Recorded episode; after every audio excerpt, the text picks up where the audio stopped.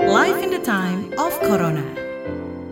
pergilah melaksanakan vaksinasi. Jangan menolak. Kalau pemerintah sudah menyatakan itu baik, BPOM sudah memberikan izin, kemudian MUI sudah menyatakan itu halal, apalagi yang akan dipikirkan.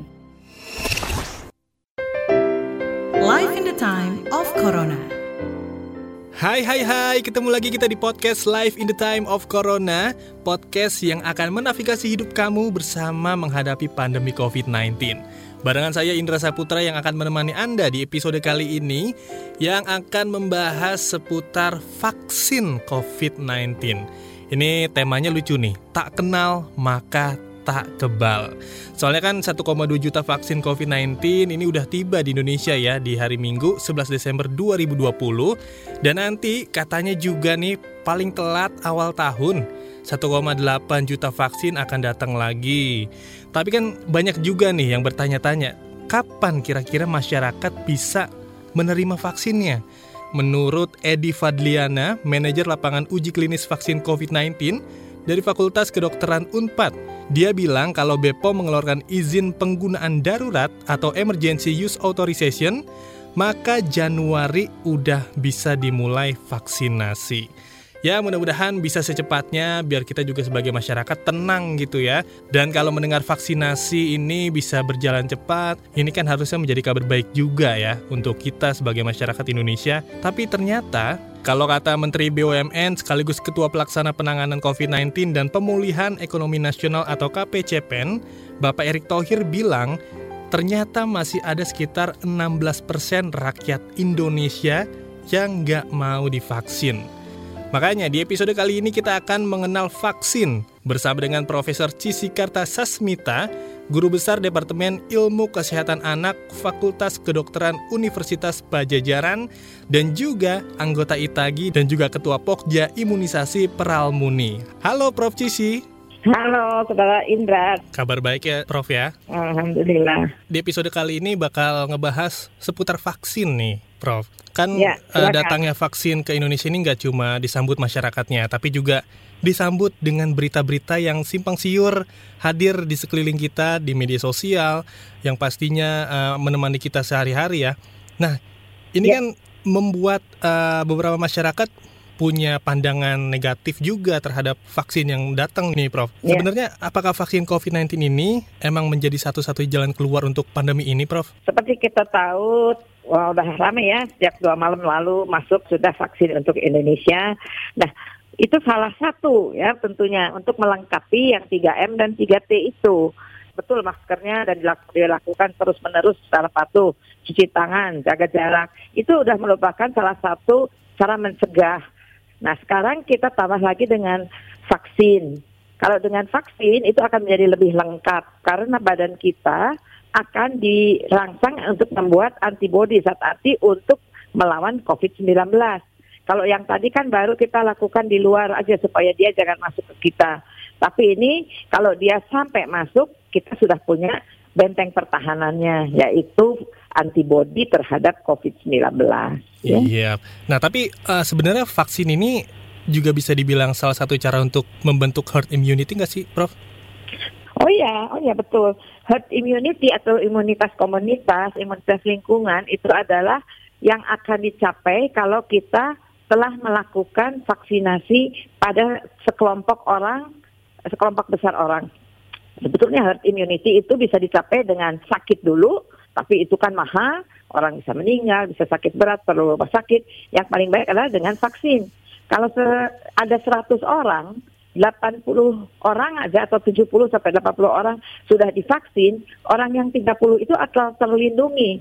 Karena kalau ada orang masuk membawa virus, dia susah mencapai yang 30 orang karena di sekitar yang 30 itu sudah mempunyai zat anti. Jadi dia tidak bisa mentransmisikan, menularkan, memindahkan eh, virusnya dari dia ke orang lain. Nah, itu yang disebut herd immunity. Tapi itu harus mencapai minimal 70, 60, 70 persen sampai 80 persen baru aman.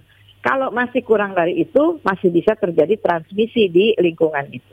Oke, nah beberapa waktu lalu saya dengar-dengar eh, dibutuhkan dua kali suntikan vaksin COVID nih biar tubuhnya kebal. Suntikan yang pertama untuk membuat sistem kekebalan tubuh jadi prima lagi dan untuk membantu mengenali virus yang ada di dalam tubuh kita. Nah, yang kedua, ini katanya untuk menguatkan respon imun terhadap virus. Tapi sebenarnya untuk selang waktunya bagaimana nih dok? Uh, untuk ya. vaksin yang pertama dan kedua butuh berapa minggu, berapa hari atau berapa bulan kah? Dan kalau misalnya, ya. kalau misalnya terlewat lupa gitu ya untuk vaksin yang kedua kalinya, apakah harus diulang dari awal atau dilanjutkan saja? Jadi vaksin itu tergantung dari platform, jadi landasan teknologi pembuatannya. Itu bisa diberikan satu kali, tapi kebanyakan diberikan harus dua kali, bahkan ada yang tiga kali ya tergantung vaksinnya. Untuk COVID ini kebanyakan adalah dua kali diberikannya karena yang pertama itu untuk membuat pabriknya lah yang dikatakan sel memory, hmm. sel yang akan betul mengenali si virus yang akan masuk pada suatu waktu sesudah kita divaksin. Jadi nanti si sel itu melihat oh itu ada virus COVID masuk, kita membuat anti COVID-19. Nah, uh, pemberian yang kedua itu adalah untuk meningkatkan antibodinya. Jadi pada sesudah memori sel dibuat, antibodi itu pasti sedikit. Begitu disuntik dua kali, dia antibodi akan melonjak dengan sangat tinggi, mencapai uh, ambang proteksi. Jadi proteksi itu ada ambangnya, ya. Kalau seandainya itu tercapai, orang itu tidak akan sakit tentu, ya. Nah, untuk menentukan jaraknya uh, dua interval suntikan ada yang 14 hari, ada yang 21 hari, ada yang 28 hari, tergantung teknologi pembuatan vaksin itu. Nah, vaksin yang ada di Bandung yang sekarang kemarin datang itu jaraknya adalah 14 hari. Oke. Okay. Jadi kalau sudah 14 hari, antibodinya itu mudah-mudahan sudah cukup untuk menangkal. Kalau belum cukup, dia masih akan tertular. Oke, berarti butuh waktu kurang lebih dua minggu untuk vaksin yang kedua ya, Prof ya? Iya betul. Kalau untuk yang ini ya, yang Sinovac, Sinovac ini ya. ya. Nah, ini kan pemerintah udah menetapkan vaksin corona yang diproduksi enam lembaga berbeda untuk vaksinasi uh -huh. di Indonesia. Katanya ya. Sinovac ini memiliki efek samping demam. Nah, kemudian untuk hmm. Moderna berpotensi memberikan efek kelelahan dan juga nyeri otot. Tapi apakah efek samping dari vaksin-vaksin yang akan uh, diberikan ke Indonesia ini bisa bahaya nggak sih dok? Jadi vaksin itu kan selalu uh, diuji ya, uji praklinik untuk keamanan.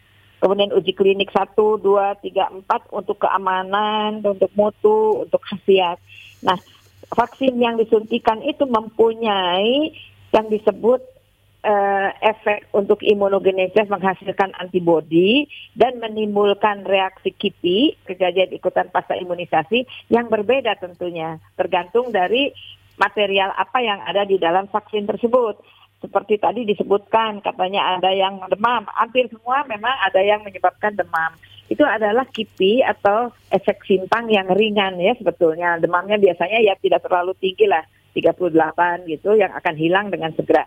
Nah, dari Moderna yang dikatakan ada kelelahan dan nyeri otot itu juga efek samping atau efek simpang yang masuk ringan itu hmm. ya kelelahan kelelahan itu terjadi itu pada waktu dilakukan uji klinik jadi ada hasil dari keamanan vaksin safety ya apa saja yang terasa sesudah itu kan sesudah disuntik di dalam relawan itu diikuti selama dua minggu selama sampai suntikan yang berikutnya apa saja yang dirasakan nah umumnya adalah memang uh, tidak berat ya. Jadi yang kalau KIPI itu umumnya uh, bisa diatasi dengan baik, tapi KIPI juga kadang-kadang ada hubungannya dengan vaksinasi, hmm. ada juga kadang-kadang tidak ada hubungannya. Tapi kalau kelelahan dan nyeri otot saya kira masih bisa ditolerir uh, tidak menyebabkan seorang itu menjadi harus ke rumah sakit, harus dirawat. Nah, itu yang berat ya. Itu yang bisa saja efek samping tapi tidak berbahaya. Oh, berarti kemungkinan efek samping ada seperti demam, nyeri otot, kelelahan, tapi tidak berbahaya ya, Prof ya? Iya, tidak, ya. Nah, apakah Karena vaksin kalau berbahaya hmm? itu yang sampai dirawat di rumah sakit gitu. Hmm. Tapi apakah vaksin ini bisa membuat orang jadi kebal corona gitu, atau cuma membuat corona jadi nggak mematikan bagi seseorang? Nah, itu memang ada dua eh, tujuan waktu itu. Yang pertama adalah untuk me menjadikan dia kebal terhadap corona. Yang kedua adalah dia tidak menjadi berat ya uh, seseorang itu. Nah katanya menurut report yang sudah ada tapi belum resmi di dalam majalah ilmiah dikatakan bahwa dia itu uh, mencegah uh, kematian sampai 100%. Jadi tidak ada satupun yang meninggal lah pasien yang eh, relawan-relawan ini. Namun yang menjadi positif masih ada. Untuk beberapa itu ada yang 70 persen, kalau Moderna itu katanya 98 persen. Jadi yang diberikan vaksin itu uh, tidak tertular atau tidak menunjukkan gejala uh, hanya eh, dua persen. Sedangkan yang dari relawan yang dikasih placebo, yang tidak dikasih vaksin, dia uh, 98 persen itu terkena uh, infeksi COVID. Jadi sakit ya, ada gejala-gejala penyakit COVID. Jadi itu yang dikatakan bahwa proteksinya itu bisa mencapai lebih dari 90 persen. Tapi ada yang cuma 7 persen, 70 persen, tapi semua di atas 50 persen.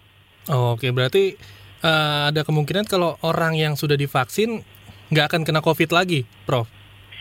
Nah, tadi ada kemungkinan sekitar hmm. 2 sampai 5 persen. Oke, ya. berarti masih ada Jadi, kemungkinan ya? Sesudah divaksin, dia menjadi kebal untuk menjaga dirinya sendiri tapi belum tercapai herd immunity. Jadi transmisi masih bisa terjadi. Oleh karena itu harus tetap memakai masker, jaga jarak, kemudian juga untuk mencuci tangan sering. Dan 3T, kalau seseorang kena kita harus mau dites, di tracing. Jangan menghindar karena itu demi memutuskan rantai penularan. Ya. Okay. Jadi tetap sesudah divaksin harus pakai ini masker. Oke, berarti setelah divaksin tetap harus menerapkan 3M ya Prof ya. Tapi kan tadi katanya setelah divaksin masih ada kemungkinan tertular. Mungkin ada kasus yang sudah terjadi, Prof?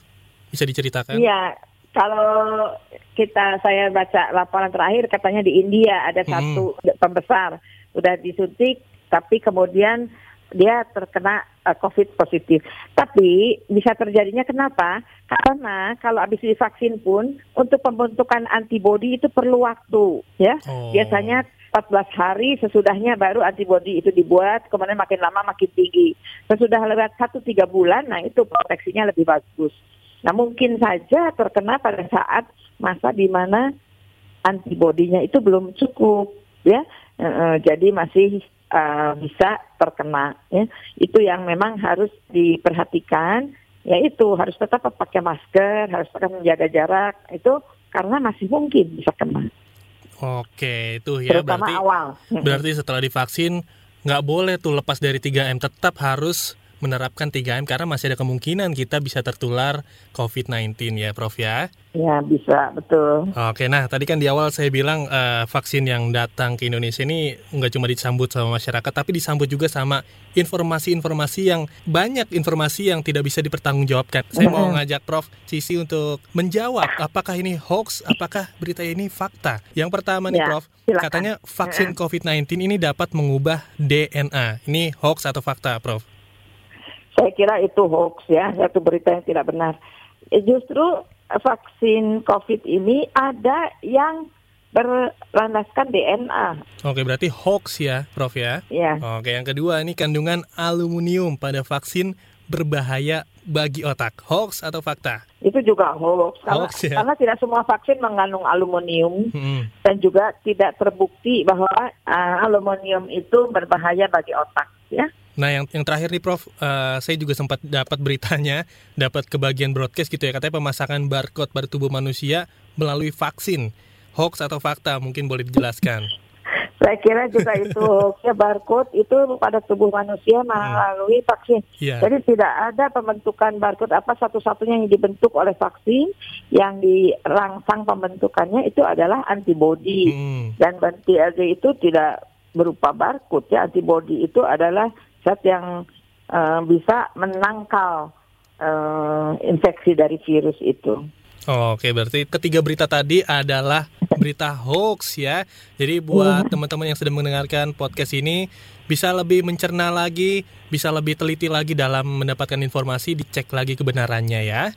Oke, Prof Sisi, terakhir nih, mungkin uh, walaupun vaksin udah ada, tapi kan tadi itu ya kita tidak boleh lalai, tidak boleh uh, kehilangan kebiasaan menerapkan 3M. Mungkin ada imbauan ya. untuk teman-teman yang lagi dengerin podcast ini, Prof? Ya betul, terima kasih. Jadi vaksin sudah ada jumlahnya tuh baru 1,2 juta dosis. Nanti bulan depan 1,8 jadi 3 juta dosis.